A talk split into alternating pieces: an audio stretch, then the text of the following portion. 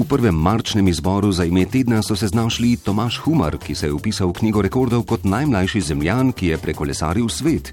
Direktorica slovenskega podjetja Smartis, ki je sestavilo največji hrvaški superračunalnik Bura, Zdravka Zalar, ter Liljana Remec in Ana Juk, najzaslužnejši za to, da je v Novi Gorici odprla vrata ambulanta Pro Bono, ki bo na primorskem zagotavljala osnovno zdravstveno oskrbo ljudem brez zavarovanja. Postali sta imeni tedna.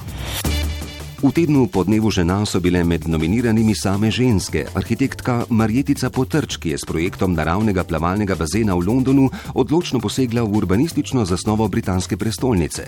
Predsednica društva SOS Telefon Maja Plas, ki je že več kot 20 let predana svojemu delu in življenskemu poslanstvu, in predsednica uprave Domela uspešnega in družbeno odgovornega podjetja, ki je pretežno v lasti zaposlenih in nekdanjih zaposlenih, Jožica Rejec. Ta je tudi postala ime te tedna.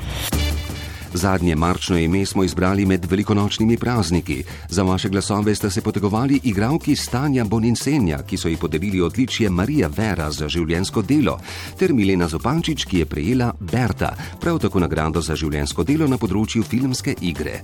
Za ime tedna pa sta izbrali alpinista Urbana Novaka in Marka Prezlja, ki so ju za preplezano prvenstveno smer na gori Sero Kištvar v Indiji nagradili z zlatim cepinom.